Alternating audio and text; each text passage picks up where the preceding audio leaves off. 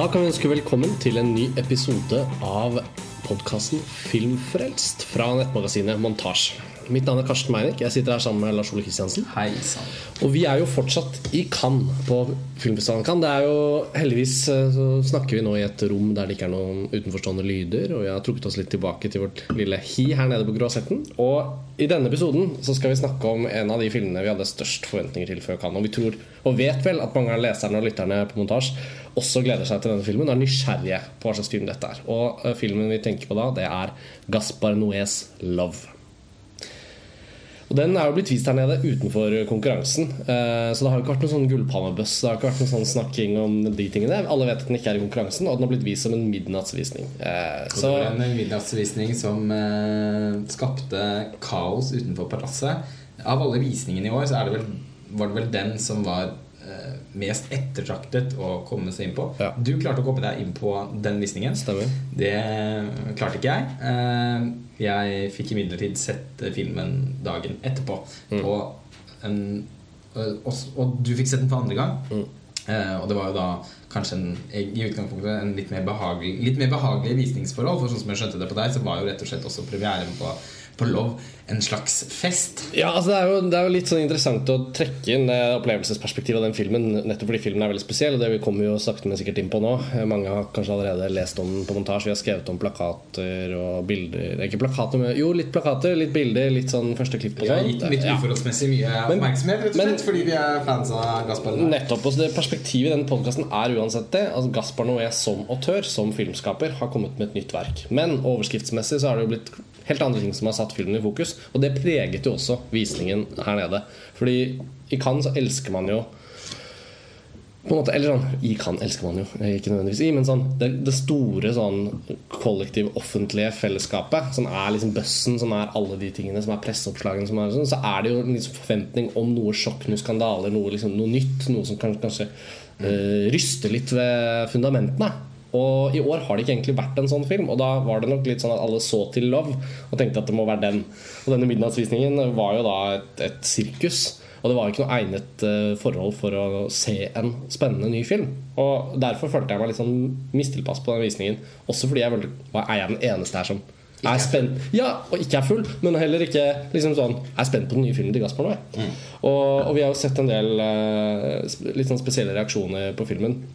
Som, som, er litt sånn Som kaster den litt til siden og ja ja, og så bla, bla. Og sånn. De fleste virker egentlig bare ganske lunkne. Ja, og derfor har det jo vært fordi sjokkeffekten har uteblitt litt. da Ja, nettopp. Men det var jo uansett uh, viktig for oss å bare følge planen, som alltid er å da gå, gå, etter de filmskaperne vi er glad i, og se veldig nøye på hva nytt de har å melde. Så i denne episoden så kommer det ikke til å bli liksom en diskusjon og sjokket og overskriftene og hva slags greier. Men la oss bare snakke om det som en Gaspar Noé-film, og det er jo det som er gøy for oss. Det er det absolutt. Og, og da, en Gaspar Noé-film er det jo også eh, det, At det er en Gaspar Noé-film, er veldig tydelig fra første sekund. Ja. Eh, Gaspar Noé, for de ja, lytterne våre som eventuelt da ikke kjenner så godt til denne eh, filmskaperen, så er han argentinsk fransk filmskaper. Han er fra Argentina, men har gjort alle filmene sine i Frankrike. Han debuterte i 1998 med 'Alene mot alt', som ble vist i Kritikeruken i Cannes. Og så gjorde han eh, fikk han sitt kanskje sitt virkelige gjennombrudd med 'Irreversibel', som ble vist i hovedkonkurransen i Cannes i 2002, mm. og som vel fortsatt uh, står som et av de største liksom, sjokkene mm. i, i Cannes uh, historie, på linje med 'Antichrist'. Eh, det var en film som gjorde at mange rømte salen i forferdelse, og folk besvimte. Og det er i det hele tatt en film eh, nokså fortsatt egentlig en ganske sånn beryktet film. Mm. Eh, men som også er Men, men i, i cineastkretser så har den jo også status som noe av det absolutt mest spennende med gjort på 2000-tallet. Ja, for Irreversibel står i en sånn ganske sånn interessant og merkelig posisjon, hvor den øh, på et vis rimelig umiddelbart fikk voldsom anerkjennelse for det den gjorde. Altså Den var både provoserende, men den var også formessig eh, nyskapende, eller i hvert fall utfordrende. Og den var innholdsmessig altså i ren sånn eksplisitthet. Både grov vold og en brutal voldtektsscene. Det er ikke en sexscene, det er en voldsscene, men den finner jo sted i et ubrutt bilde. Altså en tagning som varer veldig lenge. Helt uh, uutholdelig For alle som har sett filmen, så er det jo en uforglemmelig scene. Ikke nødvendigvis på godt, men mest på vondt. Men, men, for de som ikke kjenner til det, så er det jo da liksom, en, en film som forteller sin historie baklengs. Og, og når den voldtektsscenen kommer, så skjønner man jo da hva som har forårsaket det som har foregått i filmen frem til da. Mm. Og i andre halvdel av filmen så skjønner man alt det var som ble ødelagt. På en måte så Det er jo en sånn, veldig sånn sterk idé, sterk filmisk idé, og han visualiserer det jo helt enestående. Og kombinasjonen av det, altså, at den var et sjokk, og at den gjorde et nedslag, den ble en sensasjon og sånn og sånn, kombinert med anerkjennelsen sånn, ble jo da gjennombruddet for Gaspar Noé. Ja, og, så, og så tok det innmari mange år før han omsider var klar med en ny spillefilm, som var 'Enter the Void', som deltok i hovedkonkurransen i 2009. Mm. I motsetning til 'Irreversibel' så var jo da ikke 'Enter the Void' den, den, den, ble ikke noen håndgranat på, på Croisetten. Tvert imot så var, det, så var, det, en film som nesten ble bare fullstendig ignorert mm. Eh, mens den ble vist her nede. Det er veldig underlig å tenke på.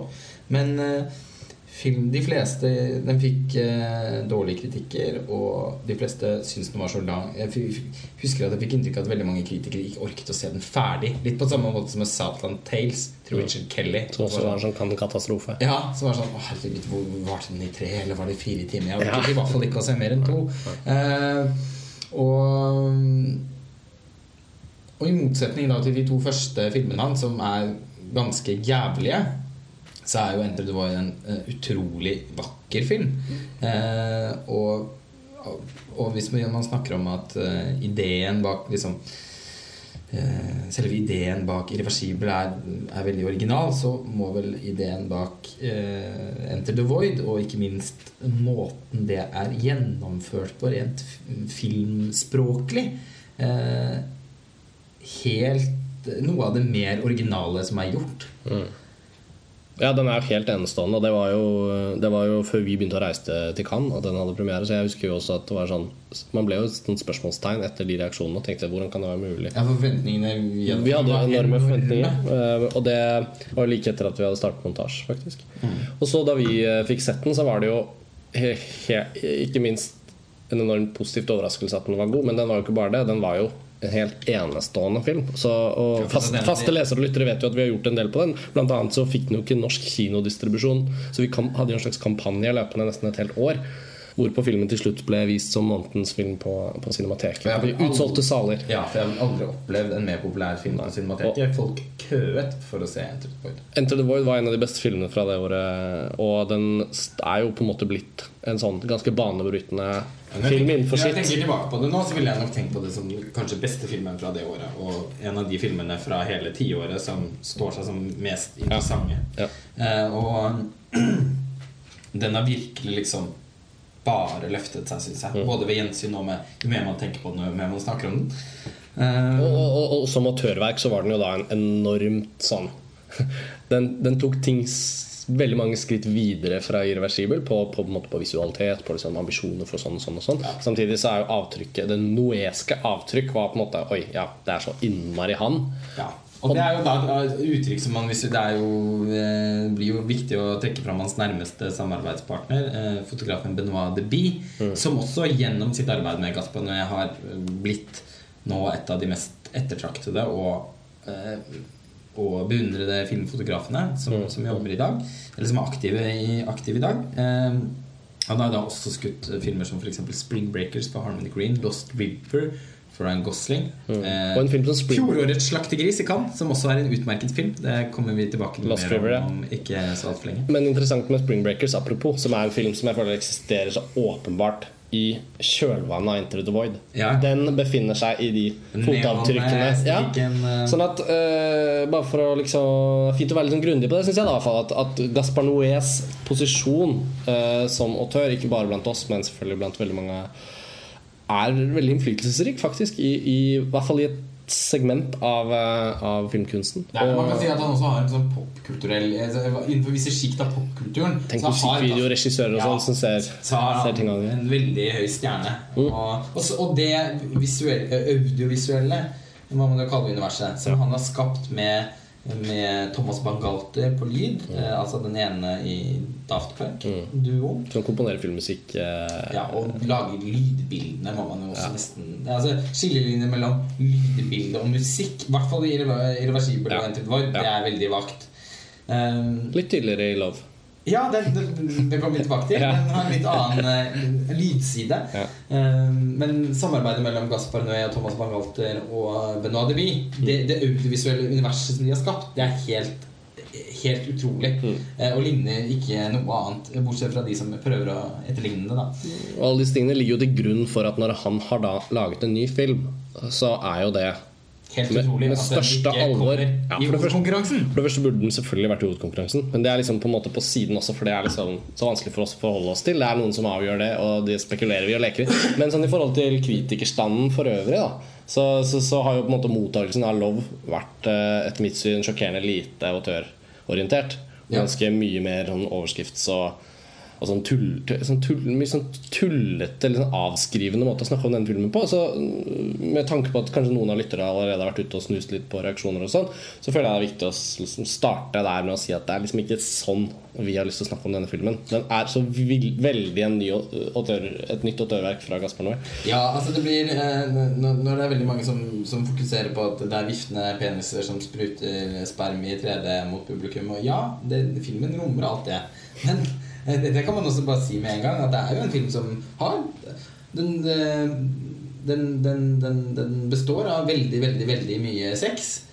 Samtidig som den ikke på noen som helst måte er så grisete og vulgær som den kanskje har må anklages for og har promotert seg selv som. Eh, de posterne og sånt de har for er ikke er, eh, de, altså, de, er ikke, de er ikke representative for filmen i det hele tatt. Og det markedsføringsapparatet er selvfølgelig lagt opp til denne oppmerksomheten. Sånn at de har jo seg selv å skylde på en måte også, for at det blir er et sånt også fokus. noe av årsaken til at sjokket uteblir litt. Da. Ja. Eh, For Ja. det har de jo dette er jo en film som ikke sjokkerer, etter mitt syn. Nei, det Eh, på ingen måte. På samme måte som vi snakket om at Nymphomaniac ikke sjokkerte. Ja. Men denne er jo da ganske betydelig mindre eh, sjokkerende Ja. det, enn Nymphomaniac også. For jeg tror nok Ettersom Gaspar Noé selv også Mm. ettertrykkelig liksom har insistert på at dette her er en slags pornofilm, så det, det stemmer ikke, da. Nei. Nei, det gjør ikke den det. like, det lite, den er like lite en pornofilm som Nymphomaniac er det. Mm. Bortsett fra at den mesker seg veldig i det seksuelle. og så hyller den pornosjangeren litt. Det Altså, det, er, det er noe sånn Den har noe sånn Akkurat som Tarantino hyller spagettivesteren uten å lage en spagettivestern, Ja. så føler jeg at denne filmen hyller f.eks. pornoklisjeen sånn sånn nabojenta inviteres over til en trekant. Ikke sant? Så, blir det så, så blir det som en sånn wink-wink-referanse. Ja. Uh, uten at filmen blir en pornofilm. Så blir den en sånn Se på Ja. det, se her. Den, men i, motsetning til da von Triers film Ikke for å liksom, sammenligne de to filmene for mye, men det er også vanskelig å ikke tenke på at de kan utgjøre en slags snodig double bill. da Mm. Og jeg tenker at Gaspar Noé har jo også sine inspirasjonskilder. Og jeg tror ikke Lars von Trier er eh, på en måte ukjent for Gaspar Noé. da Nei, det For tror å ikke jeg trekke heller. den linjen Det også. tror ikke jeg heller. Og eh, der hvor von Trier er veldig grim og liksom kald og, og, og ubehagelig eh, i sin framstilling av sex i Nymphomaniac, så er jo Gaspar Noé det, det, alt det motsatte i Love. Han, Han tar med seg et litt mer latinamerikansk temperament. ja, det må, man man, det må man si. Det er eh, Alle sexscenene er jo da fantastisk delikate, rett og slett. Utrolig vakkert lyssatt. Eh, ikke mer opptatt av liksom det skulpturelle ved kroppene enn detaljer på liksom kjønnsorganer. Det var noen vi snakket med som, som på, på Døde liv skulle trekke inn italienske renessansemalere og Caravaggio. Og liksom sånn. Man må på en måte, For å begynne å sette ord på hva, hva Gaspar, Noés, Gaspar Noés love er, så er det jo sånn viktig å bare sånn oh, Den er ikke spesielt sånn snuskete og skitten og drøy på en sånn, på en sånn sjokkerende eh, liksom in your face-måte, eh, pun intended. Den er mye mer på en måte en sånn helt sånn vanvittig vakkert og elegant og nesten litt sånn rørende og søt måte å lage en sånn film på, som har så mange sexscener. men uh, nå er vi på vei inn i å snakke om Love, og da tenker jeg at vi må uh, At jeg synes det er naturlig at vi diskuterer filmen. mm, At vi bruker eksempler fra scener og sånn. Men Så de som har lyst til å liksom se Gaspar Noés Love helt blankt, kan jo på en måte ta på pause nå og så komme tilbake og høre det senere når de får sett filmen. Hvis de vil være helt blanke. Men samtidig, ja, det er ikke en film med spoiler. Nei, jeg ikke. Så jeg føler at vi kan fritt snakke om filmen her. eh, Og vår tolkning er da at dette, film, dette er ikke en film som har den typen historie eller plott eller innhold som gjør at noe blir spoilet. Eh, Du kan aldri, jeg tror ikke noe vi kan si kan ødelegge den filmopplevelsen Nei, for de som allerede er klare. bare om opplevelsen. Nettopp. Eh, Men bare så det er sagt, så ja. Det understrekes også da av, av at den er, er i 3D. Ja. ja, for det har vi ikke kommet inn på. Nei, og 3D. jeg da nesten syns jo nesten alltid det er bare plunder og heft eh, med disse 3D-brillene, og, og, og syns sjelden egentlig at det tilføyer filmopplevelser særlig mye. Mm. Men det gjorde det her. Eh, Jeg syns virkelig han har klart å utnytte det formatet på en veldig spennende måte. Eh, Både liksom noen fantastiske dybdekomposisjoner og noen sånn skrudde perspektiver underveis som, eh, man, som man ikke hadde kunnet klart å skape mm. uten 3D-effekten. Og, og, og også noen visuelle jokes, rett og slett. Da, som, eh, som, som, som må sprute sperm mot publikum. Og som er man, film. Hvis man er med på filmens lek, Ja. Så er det jo morsomt. Ja, for la oss bare da Prosit, holdt jeg på å si. Ja. La oss bare spole da litt tilbake og si Ok, så hva er det Love på en måte er? Jo, det er en kjærlighetshistorie som, som lener seg litt på uh, fortellergrepet fra Irreversibel, i den forstand at vi får følge en historie som også liksom pakkes opp baklengs. Men det er ikke så strikt på at alt skal fortelles fra det som er historiens slutt frem til begynnelsen. Nei. Så når den løsere bruk av måte flashbacks og liksom hva er nåtids For den har en nåtidsplan som Den kommer tilbake ganske mange ganger Nettopp. gjennom fortellingen. Men av Gaspar Noés filmer så strukturelt sett så minner den mest kanskje om Irreversibel. Mm. Uh, men uh, den har på ingen måte det samme sjokket, og det er veldig lite vold i Love. Det er liksom ikke en film om det. Eh, men Det er en film om love. ja, men altså sånn på grunn av altså, Enter the Void er jo en film som handler om Den handler jo om alle disse tingene. Den, jo en, den har jo noen veldig voldsscener ennå. Men den er jo også liksom mer eksistensiell. Og den har liksom det er jo min da Gaspar Noé-favoritt. Eh, bare så det er sagt Men uansett, Love er en helt annen type film. Jeg synes Det fine inngangspunktet er at den er liksom Det er noe sånn Det er noe sånn hygge og det er noe lek og det er noe sånn Det er en- Det det er er en egentlig en ganske skjønn film. Ja, det er en fantastisk leken, leken film. Eh, Gaspar Noé er her også han, Det er ikke noe tvil om at han er ganske selvsmakende i sin filmskaping. Han, han er veldig Veldig, det er det første ganske sånn selvbevisste Ja. verket hans. Ja, for det er nettopp det jeg skal komme inn på. At eh, her tar han det enda eh, Enda et skritt lenger. Ved å, ved, ved, ved å gjøre Filmen er veldig tydelig selvbevisst. Da. Eh, Det er eh, en, en baby i filmen som heter Gaspar. Eh, Som får navnet Gaspar. Ja, Hva med Gaspar? En, ene rollefiguren heter Noé. eh, Og er spilt av Gaspar Noé. Ja. En liten birolle. Ja. Ganske, ganske morsom birolle, vil jeg si. Med en parykk for anledningen. Veldig corny. Men det fungerer fordi at filmen etablerer ganske tidlig, syns jeg, at uh, den har et, litt, har et lite selvhøytidelig toneleie.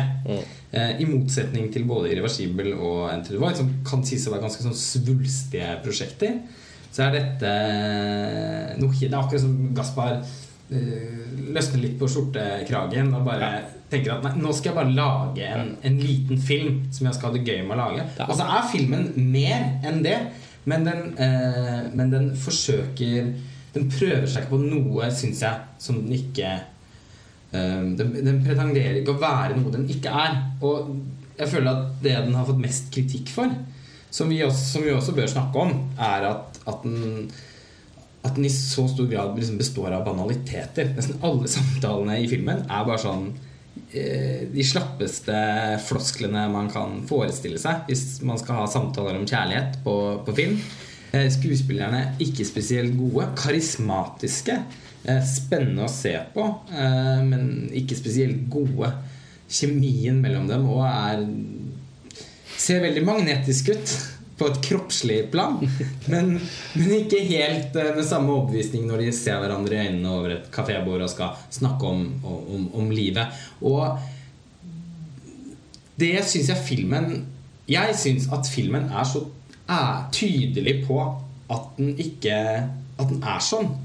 Altså For meg så blir ikke det er, det er helt klart en svakhet med filmen, men det er ikke en svakhet som jeg syns ødelegger filmen. Nei. Det er litt på samme måte som hvis man ser Suspiria av Dario Argento og sier Uff, men det er så forferdelig dårlig skuespill. Ja, det er det jo, men det gjør jo ingenting. Det altså, det er helt irrelevant for opplevelsen. Og det syns jeg også er tilfellet for sexploitation-filmen eh, Love. Men for- synes jeg man kan kalle den. Ja, jeg syns jeg er enig. Og, og, men så dersom man skal liksom ikle seg Gaspar Noé-fansens uh, hud, da, og man har ikke sett filmen og sånn, uh, opplever du at det at han tar en sånn løs snipp Mm. Syns du det på noen måte var noe skuffende at han gjorde det? At ikke Nei, det var en sånn seriøs Noé? Nei, jeg syns det var overraskende, men jeg syns ikke det var skuffende. Uh, Jeg syns det tvert imot var eh, synes Tvert imot det var veldig interessant å se at han, at han også evner å Fordi de forrige filmene hans er jo strengt tatt ganske selvhøytidelige. Mm. Og det har jeg veldig sansen for. Men det er veldig fint å se at han kan gjøre noe annet. Og at han kan bare lage en film òg. For prosjektet er ikke så veldig omfattende. Det er ikke noe jeg, føler ikke at denne filmen eh, løser noen verdensproblemer.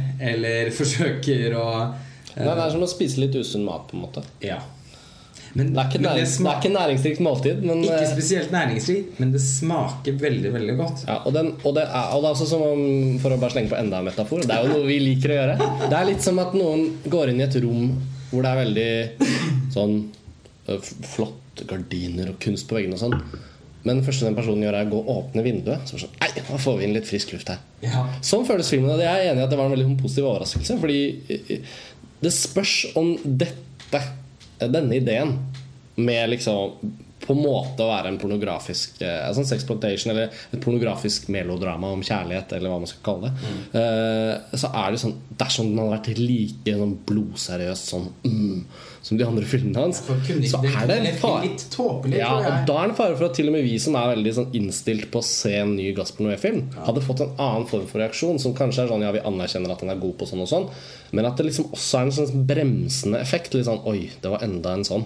Ja. Og det er så syns jeg er befriende med opplevelsen. At det føltes mye mer som at han åpnet vinduet og var sånn jeg, jeg slapper av litt. Er, eh, dette er en liten film, i, eh, tror jeg. Den blir stående som sikkert en sånn, litt sånn rar, liten Gaspar Noé-film. Men den kan fort bli manges litt sånn favoritt fordi, den, fordi den er skjønn, fordi den er liksom litt sånn Og den har virkelig liksom et ordentlig kultpotensial. For Ja. jeg tror filmen kan få ganske mange, eh, som du er inne på, vil få sine fans. Ja. Fordi den er så morsom å se. Den er veldig morsom å se. Og den er den, liksom, den er to timer og ti minutter lang, og ikke et sekund kjedelig. Eh, den, har, den bærer ut veldig tydelig Gaspar Noé-signatur. Det skal vi snakke mer om, for det er jo noe av det som gjør filmen Ja. eh, så god. altså, den, den, den er, det er nok en frame som ikke leverer Gaspar Noé-filmen, liksom. I, med 3D, ja, nå er vi allerede inne på det. Altså når, når det da også er i 3D Å, å få Gaspar Noé nattklubbsekvenser med strobelys i, i, i grønt og lilla Ja.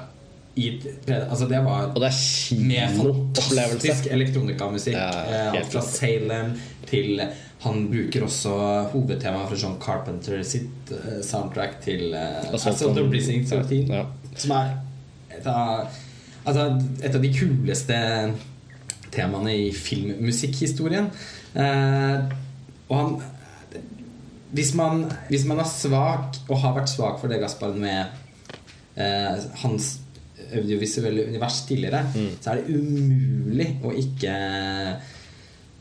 å ikke bli begeistret for, for, for måten han viderefører det på i, i Love. Da. Men spørsmål, altså et spørsmål som garantert er eh, oppe i hodene våre og folk før man ser denne filmen, er Er jo måte det pornografiske elementet. Eh, det har vært mange filmer som forsøker å liksom bryte gjennom de siste barrierene og liksom sånn pushe filmkunsten til det liksom ytterste grenser. Og sånn Og Nymphomaniac, for å komme tilbake til den, var jo en film som gjorde det på sin måte. Og fulgte opp det som allerede lå fra Antichrist av. Det er Liksom sånn, sånn, og Lars von Triers metode der med å liksom spleise inn sånn pornoskuespillere, nærbilde sånn og sånn. nø-nø-nø. Viktig å si litt om det elementet, bare sånn at folk vet hva de går til. Ja, for det, der, det er det jo sannsynligvis Ja, mange og- som er eh, nysgjerrig på. og hvis man så på besøkstall, kinobesøkstallene og sånn og sånn eh, knyttet til eh, knyttet til familie, for eksempel, så tror jeg man så resultatet at folk sitter ikke hjemme i stua og tenker sånn Jeg vil gå på kino i offentligheten og sitte blant andre mennesker og se på porno. Da holder jeg meg heller hjemme. Og vi møtte jo I en uh, kø til en annen film Så møtte vi en uh, distributør fra Polen her nede i Cannes for noen dager siden. Hun hadde distribuert Nymphomaniac i Polen og var veldig sånn utrolig opptatt av filmkunst og hadde distribuert alt av Lars von Trier. Hun var sånn hardcore dame. Liksom, veldig kul. Og hun sa jo også at ja, nei, men den, den gjorde det veldig bra på sånn hjemmevideo. Og, det er, og da oppstår liksom sånn Da oppstår den tankegangen og diskusjonen, tror jeg, hos mange om liksom ja, men Er dette egentlig bare sånn Er det, er det liksom porno? Er det snusk? Er det sånn Er det alle de Og det er det jo. Ja, men, selvfølgelig. men det er viktig å snakke Nei, altså, det, syns jeg absolutt ikke det er. Nei, og I det- Nymphomaniacs tilfelle så er det helt absurd å snakke om det. selvfølgelig. Og, men, men den er samtidig drøyere og skitnere enn det Love er. Ja, det er, mer, det, er mer, det er mer av det ubehagelige med kroppen som, som får sin plass i Nymphomaniac. Eh, Love er utelukkende veldig estetisert. Ja. Og, eh, og, og, men, men samtidig så kan man heller ikke pornografisk, vil jeg heller ikke Nei, fordi, kalle den. fordi, fordi det, har, det har vært så mye bøss å ha snakk for rundt si det ja, sånn, så er det ikke nærbilder av kjønnsorganer i bevegelse. Nettopp. Og, og derfor er det litt sånn greit å bare få satt ord på det, sånn at liksom får plassert forventningene der de skal være. Bruken av på en måte eksplisitt seksuelle eh, aktiviteter da, i denne filmen eh, er jo der eh, i veldig stor grad. Samtidig, så fra det første åpningsbildet, som er da en eh, hva skal man si, one take. Altså ett bilde i hvert fall, uten klipping. um, som viser disse to hovedpersonene mens de ligger på sengen og har sex. Og det er sånn Etter å bare ha sett noen sekunder på det bildet, så mener jeg at mer enn noe annet så ser man på et bilde, et filmisk, en komposisjon, et motiv. Som ja, er eksplisitt. Men jeg mener eh, hvor mange ganger har man ikke gått i et stort, betydningsfullt kunstgalleri eller museum i Europa og sett et bilde fra, fra 1800-tallet eller når som helst hvor, hvor Ja, det er riktignok da kanskje ikke så mye erigerte motiver og sånn, men engler og folk som er i Ja, sånn, ja, ja. Det er mye mer der. Det er der. Det er ikke skittent. Og, det er ikke, og, og en ting som f.eks. spiller inn, er bare bruken av lyd. Det er veldig sånn nedtonet. Det er veldig lite sånn kroppslige lydeffekter. Det er nesten helt fraværende. Nesten helt stumt. Og så bruker han sånn Bach. Han bruker ja, han som bruker John Carpenter, men en litt annen sekvens. Mm. Han bruker, altså Bangalter er tilbake og har komponert noe her. Og det er en del annen klassisk musikk og litt annen filmmusikk. Altså, sånn, han har et veldig sånn elegant, sonisk Dario eh, Argento, så bruker han til og med et uh, tema fra Ja, det- Profondo Rosso. Det kunne ikke jeg kjenne igjen, for jeg har ikke sett den filmen. Men du, du liksom albuet meg litt til siden. av det, Og, Ja, Argento. det var så mye Sånn at- Det gleder- var veldig mye det- glede over på lydsporet i, i filmen. Og skildringen av sex mellom rollefigurene i historien om deres kjærlighetshistorie, liksom, som filmen handler om, så føler jeg at eh, Gaspar Noé har så veldig sitt på det rene i forhold til å gjøre det akkurat sånn. Det føles liksom organisk tilknyttet hvordan den filmen her skal være. Det er så viktig å si. Hovedkarakteren, som da også er aspirerende filmskaper, og som har et eh, rom fylt med filmplakater, f.eks. Zalo og Pasolini over sengen eh, og Det i kombinasjon med, sound, altså med soundtrack, Ja, ja, som har så mye annen filmmusikk, Ja. er jo med på å understreke den selvbevisstheten. Og som vi snakket om, det er hans første selvrefererende, altså sånn selvbevissthet. Ja. Ja. Eh, Og han gutten er, ja, du sier det, han er jo filmskaper. ja. Men såpass ung at han har Jeg har ikke inntrykk av at han egentlig har laget noe ennå. Nei da, han har bare gått på en slags Ja, filmskole han- i Paris ja, og Mislykket filmskaper. Ja, kanskje laget en kortfilm. Ja. Eh, håper på Grimstad Ja. neste år. Ja. Nei, men eh, han eh, eh, Han sier jo på et tidspunkt når de er på en fest, at, han, eh, at et av hans ønsker er å lage en film som portretterer sex på en sentimental måte, på en, på en vakker måte som dyrker alt det mennesker trekkes mot, da. In, altså, å, la, å lage en avbildning av sex på film som er, mm, som er eksplisitt, men som ikke på en måte er problematiserende, som jo ofte er tilfellet. Man kan jo, eh, Apropos måten som kroppen er fremstilt på, så syns jeg jo filmen egentlig minnet veldig mye om 'Romance' til Katrin Brajat. Ja, enig. Den tenk- flere bilder hvor det nesten er helt konkret. Ja, Men det er liksom bare minus det jævlige Ja, med, i den filmen. Som, som har mer til felles med Nymphomaniac som en sånn Absolutt. Eh, som en fortelling. Så um, Og det er det friske pustet her også. At han kan gjøre denne filmen med disse grepene og sånne virkemidler og alt det der uten at det skal være sjokk, debatt, problematisering Det er faktisk Det er bare når de snakker om det som en hypotetisk situasjon på Ja. den festen i Ja. filmen. Og det er på en måte som en sånn finger mot publikum og bare Og jeg tror det er så sunt at han gjør det på den måten. Det- At det er, det er nettopp på den måten Gasper Noé lager film, som vi allerede har vært inne på. At han Denne filmen er, føles akkurat like sånn Den er så oppfinnsom og, og så fri. eh, At den jo Den minner om en måte Altså om en type film man laget i Frankrike på 60-tallet. Mm. Eh, det, det er noe Godard eh, over, over, over Over liksom måten filmen bare er seg selv på. Ja, og den, og den Ja. lener seg ikke på å bli anerkjent av noen andre. Nei. Den, mer, den er mer enn nok trygg på at den bare kan være som den er. veldig fornøyd med Og det er så frist å se. Og jeg tror det er eh, veldig bra for Gaspar Noé at den filmen her ble gjort sånn, og at uh, Kanskje i det lange løp er det kanskje perfekt at han ikke var i konkurranse med den heller. At den bare fikk litt være et sånt fuck you også. Til, for han ble jo ikke noe godt behandlet med Enter the Void i det store og det hele. Ble Det ble jo liksom den har jo, Han har jo blitt bedre behandlet denne gangen. På en Ja, på en måte. Altså, entusiasmen i denne visningen tror jeg er ganske mye større enn den Nettopp. sikkert 830-visningen var i 2009. Nettopp, Og det rekalibrerer også inntrykket av Gaspar Noé litt for neste film. Vi snakket jo litt om det før. i dag vi... Det er jo også den første filmen han har laget som han ikke har brukt øh, grusomt lang tid på. ja, bare seks år. Han, ja. han har sikkert ikke jobbet med den Nei, fordi det er litt åpenbart altså, han, han, det, er vel bare et par år. Han skulle egentlig lage en annen film. Vet det. Eh. Så er vel, han har vel bare jobbet med den et par år. Men eh, den eh, Jo mer liksom eh, Men det er noe med de, de banalitetene i filmen da, som jeg liker litt. Jeg Mm. syns at Jeg syns at det Det speiler litt måten filmen fremstiller sexen på også. Mm. Og, og at Og det gir filmen en sånn kultkvalitet, syns jeg. At den, at den ikke er så nøye på en del av de andre tingene. Eh, selv om jeg ser argumentet for at det liksom svekker filmen eh, som helhet, og at, man, at, den, at den mangler en dimensjon som kunne liksom løftet den enda mer, så eh, så, så er faktisk ikke det noe Jeg syns ikke det er noen mangel ved filmen. For det er så åpenbart at den er det den ønsker å være. Ja, og, og jeg syns det den øh, forsøker å være, er et vel så spennende tilskudd til øh, Noé sin filmografi Ja. enn det ville vært med en mer eksistensielt anlagt eh, diskusjon om, om, om mennesker og, og, og sex. Det Det, er har sånn- man jo strengt tatt også sett ganske mange ganger. eh, det som, ja, helt enig. Altså, jeg er så enig. Og jeg bare tenker på ting når du snakket nå At det, det som er nesten det mest rørende med denne filmen, er at den For jeg syns jo Gaspar Noé i løpet av sine tidlige filmer og bare som sånn type er veldig kul. Ja, og, og, og adjektivet 'kul' er jo sånn Ja, man bruker det kanskje altfor mye. Men det er også litt sånn at hvis man koker det ned, så Hva er det som er kult? Jo, det, det kan egentlig defineres ganske sånn tydelig. Og jeg synes, sånn, noe som er sånn genuint kult, er jo det som er sånn uanstrengt kult. Noe som rett og slett bare ut av å være litt selvsikkert og bare tro på noe, så liksom stiger det frem, og så er det sånn Oi, det var kult. Og her føler jeg at nettopp det vi nå har vært inne på og beskrevet litt, at den liksom er litt sånn løsrevet. Og den er liksom ikke avhengig av noen andres Filmen her trenger liksom ikke anerkjennelse for å få vært det den skal være. Og det gjør den sånn uanstrengt kul.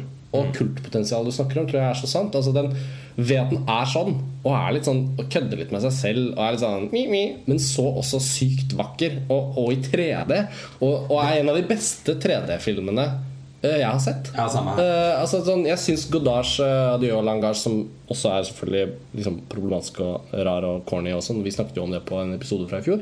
Men bruken av 3D der var sånn Her var det faktisk et, liksom, Her var det noe å snakke om. Hvor 3D var en del av det filmiske uttrykket. Virkelig. Og noen år tilbake da, uh, Wim Wenders Pina, dansefilmen, som også var en sånn derre Oi, ja, det her, ja. Og den andre, den fjerde bra 3D-opplevelsen som jeg husker sånn var Det, det syns jeg er veldig morsomt. uh, Jurassic Park av Spielberg i konvertert 3D Ja. viste bare Jeg fikk ikke sett den. Nei, det morsomme med den Den viste bare hvor bra filmen er. Fordi når du konverterer den til 3D, så skjer det egentlig ingenting. Bortsett fra at bildene liksom bare blir tredimensjonale. Men du ser av komposisjonen og iscenesettelsen og alt bare sånn Å ja. Nettopp. Fordi du ser innover, du forsvinner lenger inn i universet. Du blir mer eh, eh, liksom romfølelsen og hele den eh, liksom artikuleringen av rom som 3D representerer, og hvordan vi opplever det som tilskuere og sånn. Det er jo det det skal være. Og Ja, det- Avatar er jo selvfølgelig den femte, men det er fordi at Avatar er fantastisk. Men sånn, jeg tenker noen av de små filmene 3D-bruk det er helt utrolig. Og det er liksom bare slengt inn litt sånn Det er faktisk den mest fascinerende bruken av formatet jeg har sett siden Avatar. Eh, som, og, og det ekstraordinære med Avatar var jo nettopp den eh, Er jo det man kan få til med dybdekomposisjon. Altså. Når de møter hun nabojenta, når hun dukker opp i vinduet liksom sånn, Mm. Ok, Komposisjonen er da rommet til disse to hovedpersonene. Mm. Og så er det vinduet på veggen er åpent. Og så utenfor vinduet så er det en bygård som er sånn trekanthjørneaktig. Så bak der ser du et vindu til. Og i det vinduet så dukker da nabojenta opp, og så oppstår en dialog. Liksom hvordan vi som våre øyne, vårt blikk, forflyttes. Altså jeg tenker sånn, Brian De Palma må jo snart lage en film som er litt sånn body double-aktig eller et eller annet Ja. sånt. I 3D på Ja. den måten. Altså, tenk hvor godt han kommer til å like Love! Få filmskapere jeg skulle i så stor grad skulle likt å sett en 3D-film av. For det Gjerne en sånn liten film. Eh, Brian De Palma er litt sånn der, Ikke sånn for mye ansvar Ikke for mye budsjett som gjør at ting kan snuble og sånn, men sånn nedpå, bare gjøre en sånn liten øvelse. Ja. Litt sånn passion-aktig, men enda, liksom Enda mer sånn- strammere enn Så, så, det, i så en det er nettopp og, og det tenker jeg kan illustrere litt hvor Love befinner seg da, når vi snakker om det på denne måten. Det er morsomt når du nevner nabojenta. da Ja. de to, Der har man liksom Det, det er litt urscenen i filmen. Den kommer ganske tidlig. ja, og, og det det, som har vært før, er litt sånn bare sånn etablering. Så Ja. Vi får den første sexscenen med en gang, det er greit, ok, og så er det litt sånn ok Og den er jo veldig Den har jo den funksjonen at Ja. nå, da, er vi, da er vi i gang. sånn. Vi trenger ikke, å- trenger ikke å sitte og vente. Det er kontrakten. Ja. Her. Sånn skal det bli. Men nå er denne ferdig, og så skal dere få litt sånn bakgrunn, og så setter vi i gang igjen. Og når den liksom setter i gang igjen, det er den. Ja, for det vil jeg si det er liksom Nabojenta, scenen. Ja, filmens urscene. Det er også eh, som, som da også på en veldig morsom måte spiller på pornofilmkonvensjoner. Ja, det er altså så morsomt. det er Veldig morsomt. Og for en fantastisk scene. Det gjør jo, altså, Altså, Alle pornofilmer er jo nå kansellert. Om de ikke var det allerede, da selvfølgelig, så er det i hvert fall det nå. Ja, altså den trekantscenen med de tre i den sengen, som varer i mangfoldige, flerfoldige minutter. Noen sånne enkle klipp sånn. Alle klippene i filmen for øvrig er med sånt kort sånn Kanskje fire eller seks frames med svart. Ja. Så han liksom det sånn, Og det er jo som et blunk, ikke sant? Ja. Det er akkurat den effekten han gjorde i Enter the Void også. Det, du blunker, og så, og så er det liksom noe som har forflyttet, forflyttet seg litt. Eller ikke. Gir, jeg bidrar til å gi filmen en sånn drømmeaktig kvalitet. Absolutt. Uh, men den scenen er altså Med de tre kroppene som, som nesten flyter inn i hverandre. Det er fascinerende å se på. Man, skal jo, man kan jo heller ikke Man skal heller ikke liksom nekte for det at det å se eh, nakne kropper eh, i bevegelse er eh, både veldig eh, spennende og veldig vakkert, og noe kunsten har beskjeftiget seg med i Århundrer. Ja. i århundrer. Så det er det, Hæ? ja, årtusener, egentlig. Jo, ja, helt tilbake. Helt tilbake til eh, Til de første helleristningene. Nei, men, men det er jo litt sant. Og, er sant. Problemet er at vi har en sånn nymoralisme i vår tid som er sånn Å nei, man kan ikke liksom Men sannheten er jo egentlig at denne filmen er litt mer sånn primal. Det litt sånn, sånn Men sånn har det jo alltid vært, dere. Ja, La oss bare liksom Jeg tenker at Kan man ikke også si at uh, istedenfor å snakke seg for mye rundt og Jeg tipper at mange skal si Ja, nei, jeg syns ikke Jeg synes ikke filmen var spesielt eh, erotisk. Og det er den ikke nødvendigvis Nei. heller. Men, sånn, men, men jo, men det var veldig interessant. Altså, ja, men den er jo også, det er jo også veldig spennende å se på. Ja, altså det, jeg, jeg, filmens visuelle attraksjon, eh, som også da handler veldig mye om måten det er iscenesatt på, det er jo Det er jo noe sånn instinktivt ved å fatte interesse for, for hva den filmen avbilder, og måten den avbilder det på. ja. Men den altså, vi har jo nevnt litt, men bare for å liksom, øh, spesifisere det. Den balanserer dette. Den frykten jeg tror man har litt hvis man er et noenlunde sømmelig oppvakt menneske som skal gå på kino, så er man ikke hypp på å sette seg ned og se en sånn skitten, dirty porno på film med andre. Det er helt det er helt er Nei, det er helt Det er for de fleste av oss. Så det er liksom ikke det, er ikke det, det er ikke det i det hele tatt som foregår her. Og det var jo det, det, var, det det, det var det som ødela veldig, tror jeg, for Nymphomaniac. Eh, Ja, selvfølgelig. Som vi var inne på i mange har ikke sett den filmen fordi de tenker at det er det som skjer der. Promoteringen forsøkte å, å, å fremstille den som en mye mer spekulativ og grisete film enn Nettopp. enn det der. Samtidig som Nymphomania byr jo på, på grumset og gruen og det mørke og det kjipe. Så den, den, har, jo den har jo, den har jo Men den har jo dybden. Ja. Og den har jo eh, Altså Det er jo en virkelig en, på alle nivåer en veldig Mm. kompleks film. For å trekke inn en annen sammenligning Blå er den varmeste fargen. Den liksom kjærligheten og liksom eh, Kleint ord, men sånn elskoven i sexscenene. Jo, men sant, da! I sexscenene fra Blå er den varmeste fargen. Det er liksom sånn Det er et sånt vakkert løft når du ser den filmen. Og det er, det er mer det Love eh, legger seg opp til, enn den der mørke, skitne jævelskapen. Men, men, det er jo da, men det er jo da Men, eh, film, en veldig estetisert film. Ja, En, en men, film men Blå er den varmeste fargen også drøyere. Fordi den bruker nærbilder. Den er mye mer eksplisitt, egentlig, det. enn det Love er. Den oppleves i hvert fall mye Love er med sånn, mer sånn ja, Som vi har vært inne på, da, uh, veldig estetisert, men nesten sånn også at når det liksom er sånn den spøken med liksom spermen i 3D, og sånn, blir så blir det en sånn sånn te ja, tegneserie på en sånn sånn funny måte. Det blir aldri sånn at du føler deg angrepet av filmen. Og eh, holdt på å si Benoit Det blir eh, dritten ut av, av filmen. Altså Hans lyssetting er altså så eh, voldsomt uttrykksfull i denne filmen. Og, og, og ganske sånn grell. Glorete. Sånn kjempesterke neongrønnfarger. Rødt, rosa, oransje. Eh, Den er jo eh, liksom en kakafoni av sanseinntrykk. Mm. Og det bidrar også til at Til at avbildningene av, av all sexen i filmen inntar liksom en helt en sånn annen, annen karakter. Ja. Det, det, det blir litt eh, abstrakt, rett og slett. På en veldig, veldig flott måte. Og så når da faktisk For det fortelles jo en historie her, og det er det ganske mye av. Så liksom, Man skal ikke misforstå dette heller som en film som bare er liksom øh, 15 sexscener med noe dialog imellom. Tvert imot så er det jo egentlig ganske mye story. Ganske mye sånn derre mellommenneskelig drama på en litt sånn derre finne ut av det måte. Hvem er vi egentlig? Ja, og jeg syns liksom- egentlig det fungerer uh, veldig bra. Uh, fordi På tross at skuespilleren er litt ja, For ræva. ja. Og det jeg synes det er helt ålreit å erkjenne at vi, selv om vi liker denne filmen og syns det er veldig interessant at Gaspar Noé har gjort akkurat dette, og, og alle de tingene man kan glede seg er, over, visuelle og sånn, det er jo en av de mest interessante filmene vi har sett her. men også fordi den ikke er liksom helt perfekt. Det er ikke sånn type film. Det er ikke, sånn, det er ikke mesterverk på den måten. Det er en sånn der film som, som det er så mye glede seg over. Og så er det, sånn, og så er det gøy å påpeke at det er dårlig skuespill. For det er ikke sånn at det dårlige skuespillet snubler filmen Eller. Det blir en del av hele greia. Ja, det er det. Det er ja, men da, da går vi litt med på det. Det er litt som i gamle eh, slasher-filmer. Ja, det, er liksom, det- er en del av pakka. Og den parallellen er, sånn- den parallellen er god. Og, og når vi sier dårlig skuespill, så betyr det ikke at vi mener at de som spiller i filmen, er dårlige på å, gjøre filmen. Så det man må spesifisere, er da at når det først blir eh, dialogscener hvor det er veldig viktig for filmen tydeligvis å la dem liksom, gyve løs på hverandre og ha en sånn nesten sånn frapperende dialog, så merker man at det her, er, her har ikke disse kapasitet til å liksom, er- nyansere og betone, og det blir de utrolig sånn dårlig. de. Det høres dårlig ut. Men når filmen skal være sitt visuelle, ha det der blikk Selvfølgelig sexscenen som vi snakket om, ja, og, liksom, og, og hvordan de forholder seg til ting. Og, bare, og også sånn når det danses, når det liksom gestikuleres og sånn. De er utmerkede. Ja, for de, har, de er jo, har jo fantastiske ansikter. Det er jo Det er Gaspar opptatt av. Så særlig hun eh, hovedrollejenta. Ja.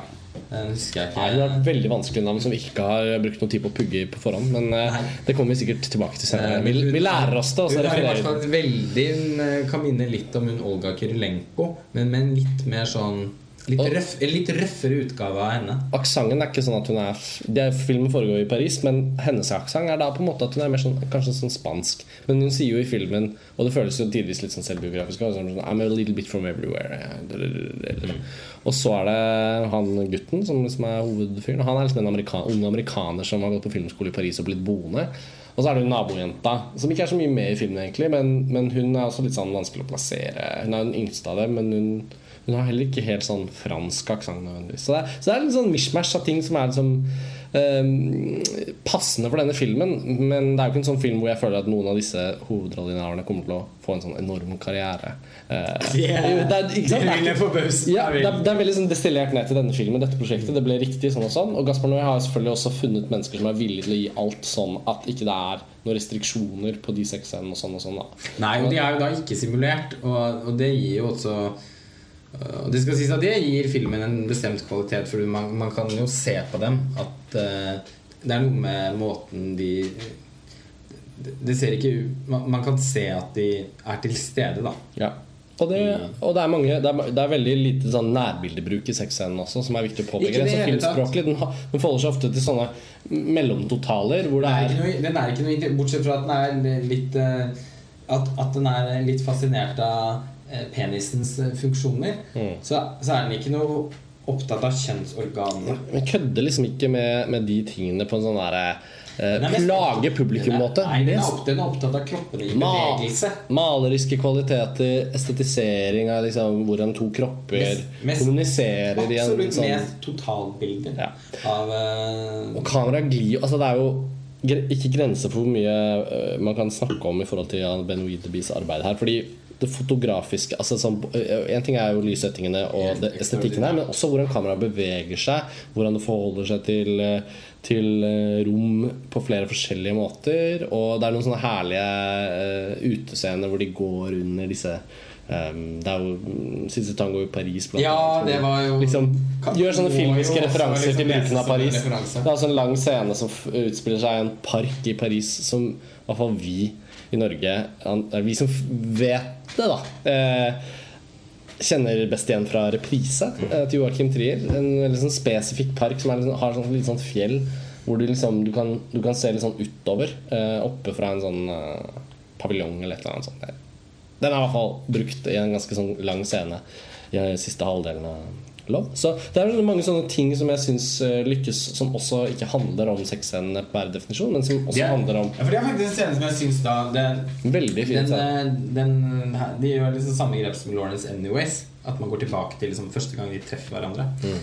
Helt mot slutten av filmen. Og det er faktisk en scene som jeg syns, etter å, å, å, å ha tatt eh, reisen gjennom filmen fram mm. til det tidspunktet, syns jeg faktisk den scenen har en virkelig en melankolsk og det er der skues skuespillerne er på sitt beste der også. Ja, det er det. For der er de nedtona, de skal ikke ha en krangel. Det er liksom sånn De skal bare liksom bli kjent med hverandre. Ja, og det, det kan det at de, at de trekkes mot hverandre. Ja, definitivt. Så altså, det er jo rett og slett en film med uh, veldig mange kvaliteter. Og vi har sett masse filmer nede i år. Jeg synes, uh, altså Frekvensen vår har sannsynligvis vært høyere enn tidligere. Og likevel kan man si at Love kanskje liksom som forventet skiller seg ut fordi Gaspar Noé skiller seg veldig ut som filmskaper. Men likevel syns jeg også at den overrasket oss på mange av de elementene som kanskje jeg var litt sånn Jeg var ikke i det hele tatt forberedt på at den skulle ha en sånn veldig sånn selvrefererende, litt køddete humor. Og jeg fikk jo anledning til å se den to ganger, og da, og da siden det første gjensynet var veldig preget av stemningen i palasset, som var litt sånn der køddete på en ikke-kul måte. Og den var jo også klokken ett om natten. ja, det stemmer. Så det var jo rimelig, rimelig sent og ganske sliten og sett mye film og vært mye greier. Men uh, gjensynet som vi hadde den eh, andre dagen, var jo også en anledning for meg til å bare liksom, observere hvordan filmen liksom var lagt opp. Da. Og strukturen er veldig sånn sofistikert og bra løst, egentlig. Den er litt leken med flashbacks og om, omvendt kronologi, samtidig som den også lar ganske mange scener være lange. Så jeg husker vi snakket om det etter Adele Eller Blaren varmeste fargen. Mm. At denne filmen har så den er lang.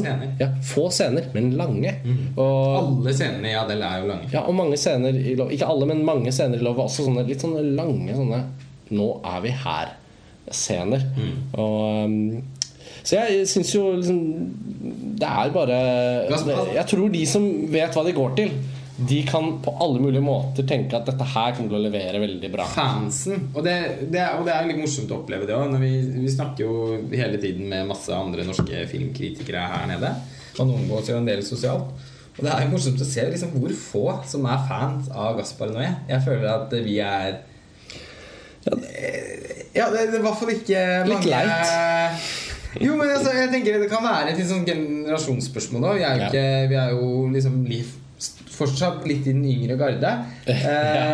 det, er... det, kommer opp en yngre garde under oss, eh, men eh, Ja, nei, vi er jo det. Det må jo Ja, det, øh, det merkes jo litt eh, noen ganger. Og eh, for, for, for, liksom, for vår generasjon da så er liksom Gaspar Noé en veldig betydelig filmskaper. Eh, som man møter uan, som man uansett vil møte med kjempestore forventninger. Men også respekt og, respekt. forståelse for hva det er han holder på med. Ja. Og, uh, og når, når Gaspar Noé for oss er en av de mest betydningsfulle, inspirerende filmskaperne på de, de siste 20 årene, så er det ingenting ved Love som, som, som kommer i veien for, uh, for den statusen. Tvert imot. Jeg syns uh, selv, om, selv, om, jeg syns at Selv om jeg syns at Enter the Void helt klart er liksom et hovedverk mm. for han, mm. og jeg nok også syns at Irreversibel er i det store og hele en mer betydelig film enn Love. Begge de handler jo om mer, når man ja. liksom det, det, er jo, det, det, det, er det jo ikke noe tvil om.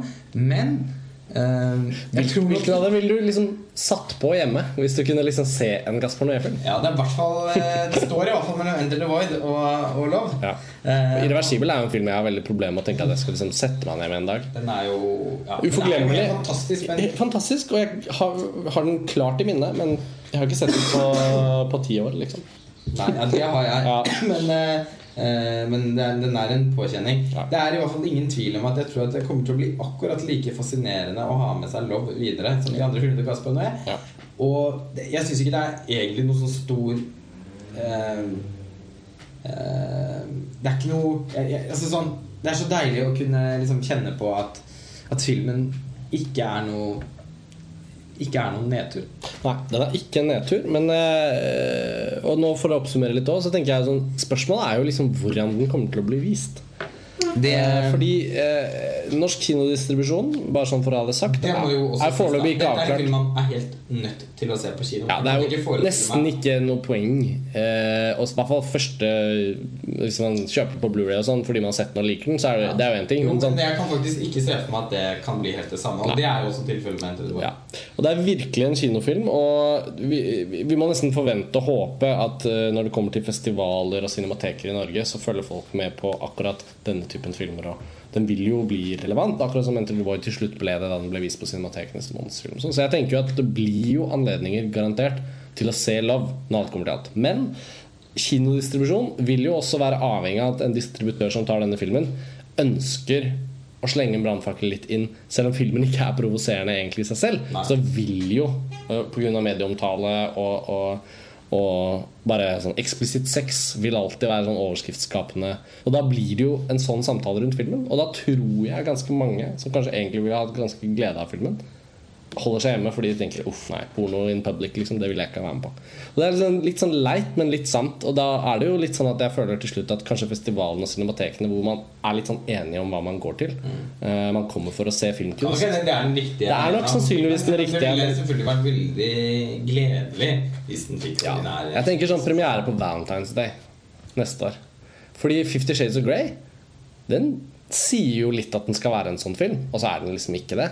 Uh, og Fifty Shades uh, Whatever, som er toeren, kommer jo ikke neste år, men det kommer neste år der igjen. Uh, skjønt Så da har jo lov en så, til å kapre siste, Mitt siste innspill er at en litt sånn dristig distributør vil jo kunne ha det litt gøy med å type si at dette er jo Fifty Shades for real Valentine's Day det kunne funka i 3D. Jeg tror nok da vedkommende bør sørge for å kanskje lage noen litt andre plakater ja. enn de vi har skrevet om på men, men, på den ene eller den andre måten så, så, så, er det vel mest sannsynlig at det blir en festival-type cinematek-lansering. I hvert fall hjemme i Norge, for, for, de av lytterne våre som hovedsakelig ser film eh, på vanlige arenaer hjemme i Norge. Ikke reiser rundt på festivaler sånn.